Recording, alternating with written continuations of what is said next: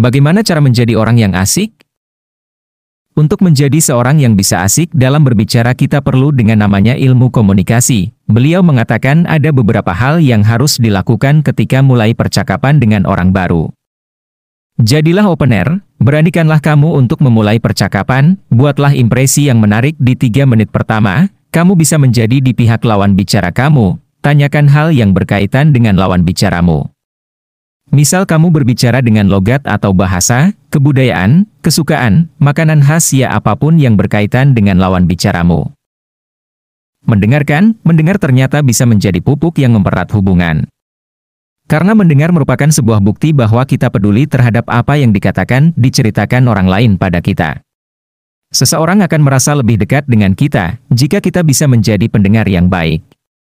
Dengarkan orang lain untuk mengumpulkan informasi. Belajarlah mendengar sebelum beradu argumen, menolak, dan membandingkan situasi.